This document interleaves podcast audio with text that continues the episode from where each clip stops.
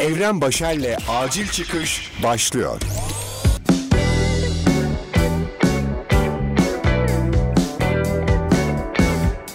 Selam güzel insan. Ben mahalledeki bara gidip barmene her zamankinden demeyi çok özlemiş olan adam Evren ve Acil Çıkış'ın 10. bölümünü dinlemeye başladın. Acil Çıkış. Çok yoğun olduğum dönemlerde kendi kendime hep şöyle derim. Ya düşünce suçlusu olarak bir cezaevine girsem ne kitap okurum be. Kitabımı da yazarım. Vaktimi sadece üreterek doldururum diye. Bunun değişik versiyonlarını da düşünenler vardır kesin. E şimdi evde vakit geçiriyoruz. İşlerimiz ya yok ya da oldukça düştü. Bir nevi açık cezaevi mantığındayız. E peki ben neden iki günde bir kitap bitiremiyorum? Neden her gün 20-30 sayfa yazamıyorum? Etrafıma bakıyorum birçok kişi de öyle.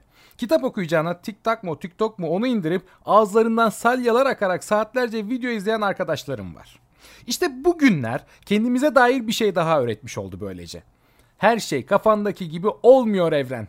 Tabi bir de internetin varlığı da ayrı bir etken ama neyse. Son zamanlarda bitirmeyi başardığım kitaplardan biri olan İlber Ortaylı hocamızın Bir Ömür Nasıl Yaşanır isimli eserindeki bir kısımdan bahsetmek istiyorum şimdi. Kitapta birçok güzel tavsiye var ama özellikle bu kısım benim de hayatımda önem verdiğim en az kitap okumak, çalışmak, izlemek kadar hatta bazen ondan da değerli olduğunu düşündüğüm bir tavsiyeyi içeriyor. Aynen aktarıyorum. İnsana değer katan insanla beraber olun. Beyninize yeni bir kapı açacak, size bir değer katacak insanla bir araya geldiğinizde bir şey öğrenirsiniz, bir şey düşünürsünüz. Yeni bir yere bakmaya başlarsınız. Düşünceniz yeni bir boyut kazanır, yaşamınıza farklı bir bakış açısı eklenir. O boyut bazen yanlış da olabilir, ziyanı yok. Bu yanlış zaman içinde tasih edilir. Dahası o yanlış bile ortalıkta boş boş gezmekten daha iyidir.'' Dilinizi, intibanızı, tecrübe ve görgünüzü geliştiren, dünyaya bakışınızı değiştiren insanlar önemlidir. Onlarla bir araya gelmeye gayret ediniz. Sonra oradan başka bir yere geçersiniz. Sabit kalmanız şart değildir, diyor İlber hocamız. Ayrıca ekliyor ki, o insanlar sizleri olduğunuz yerlerde bulmayacak. Gidip siz bulacaksınız. Peşlerinde koşacak, onlarla tanışacaksınız. Gerçekten hayat için altın değerinde bir öneri. Bizim insanımız genelde kendinden çok konuşan, bilgili, fikri olan, sorgulayan, sorular soran insanı pek sevmez. Ona çeşitli isimler takarak kendi seviyesine ya da daha aşağısına indirmek için elinden geleni yapar. O insanlardan yararlanmayı bilmez. Çünkü dinlemeye, öğrenmeye, bu zorlu hayatta bir sürü yaşarken anne babası, karısı, kocası, abisi, ablası, sinirli hocası durmadan ona bir şeyler söyleyip üstünde baskı kurarak bir dersler vermeye çalıştığından tahammülü yoktur. Biz genelde hep gülelim, eğlenelim, geyik yapalım. Bunu istiyoruz. Etrafımızda aynı insanlar olsun, aynı eşler, aynı sevgililer. Buradaki arkadaş grubumda da aramızda bir geyik var ve genelde şöyle bitiyor. Muhabbetiniz yine IQ'mu düşürdü arkadaş diye. Çünkü geyiğin de bir yerde bitmesi gerekiyor bence. Etrafınızda eğlenebileceğiniz, sizi güldüren ya da esprilerinize gülen insanların olması harika bir şey ama bu anlar dışında da bu insanlar sizlere bir şeyler katabilmeli, öğretebilmeli, fikirlerinizi sorgulayabilmeli. Neyse ki ben bu konuda şanslıyım. Bazen IQ'muz düşse de başka zamanlarda çok güzel topluyoruz çünkü hepsi kendine münasır insanlar. Bu konunun ben eş seçiminde de özellikle çok önemli olduğunu düşünüyorum. Bana göre eşler %100 birbirine benzeyen kişiler olmamalı. Hadi genelleme yapmayayım. Burada özneyi bana çevirelim. Hayatımda olacak kişi benim bir benzerim olmamalı. Aynı bir evrene ihtiyacım yok. Evet ortak zevklerimiz, ortak bakış açılarımız, ten uyumumuz elbette olabilir. Ama bunların hepsi bir bütün. Yani aynı olduğunda birbirimizi nasıl geliştirebiliriz? Nasıl farklı bakış açıları bulabiliriz? Birbirimize vay be ben hiç böyle düşünmemiştim nasıl dedirtebiliriz? Elbette bunun matematiksel bir formülü yoktur ama insan ne istediğini biliyor be. Dur ya çok iddialı oldu. Biliyor mu gerçekten? Hani ben kapalı kalsam çok kitap okurdum. Neyse insan en azından ne istediğini bildiğini düşünüyor diyeyim yine net olmayayım ben. Şimdi bir düşün dinleyici. Senin hayatında seni geliştiren kimler var? Kim o insanlar? Yoksa eğer o insanları bulmak için bir şeyler yapacak mısın? Ya da tam gaz sadece geyiğe devam mı? Beni okumak ve tiyatroyla uğraşmak kendime göre çok geliştirdi ama o insanlar da hayatımda bir türlü oldu.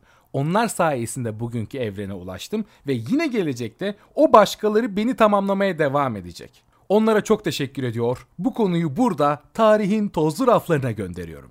Acil çıkış. Bir Türk olarak Kanada'ya geldiğimde en çok garipsediğim, şaşırdığım olaylardan biri bankalarda ya da işletmelerde taksit olayının olmayışı oldu. Taksit yok ya. Olacak şey mi? Peşinatsız, faizsiz, taksit, reklamları bunun gibi olaylar yok. Kardeşim biz Türkler takside bayılırız, ölürüz taksit için. Ne demek taksit yok ya? Anneannem, teyzem yıllarca o ev kur denilen, geçirdiği kazıklarla meşhur mağaza zincirinden senetli taksitle gerekli gereksiz her şeyi almıştır. Evkur hayatımızda kredi kartı yokken bizi taksitle tanıştıran, senet senet mal satan, evleri tencere takımları, hiç kullanılmayan yemek setleri, küçük ev eşyalarıyla doldurmamıza yarayan yerdi.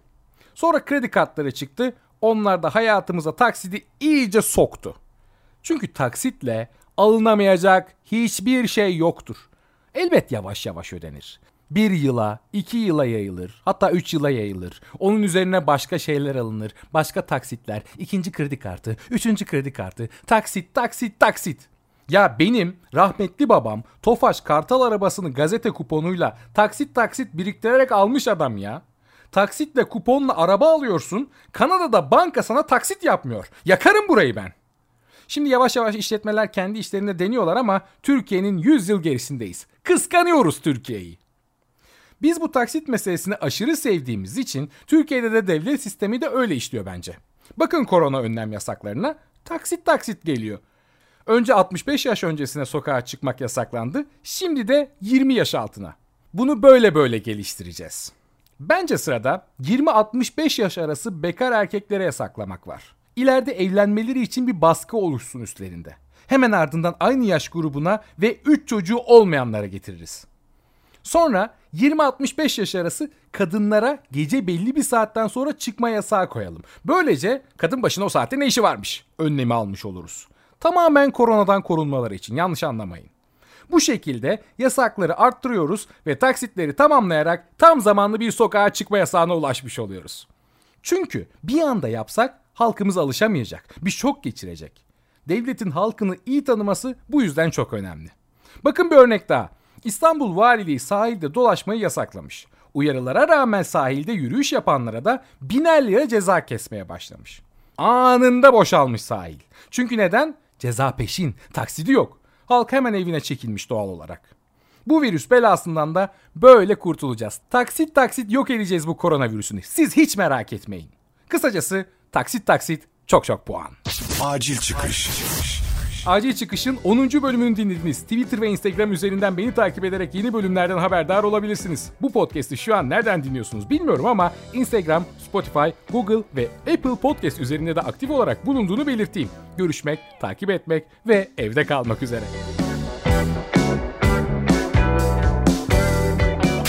Evren Başer'le Acil Çıkış sona erdi.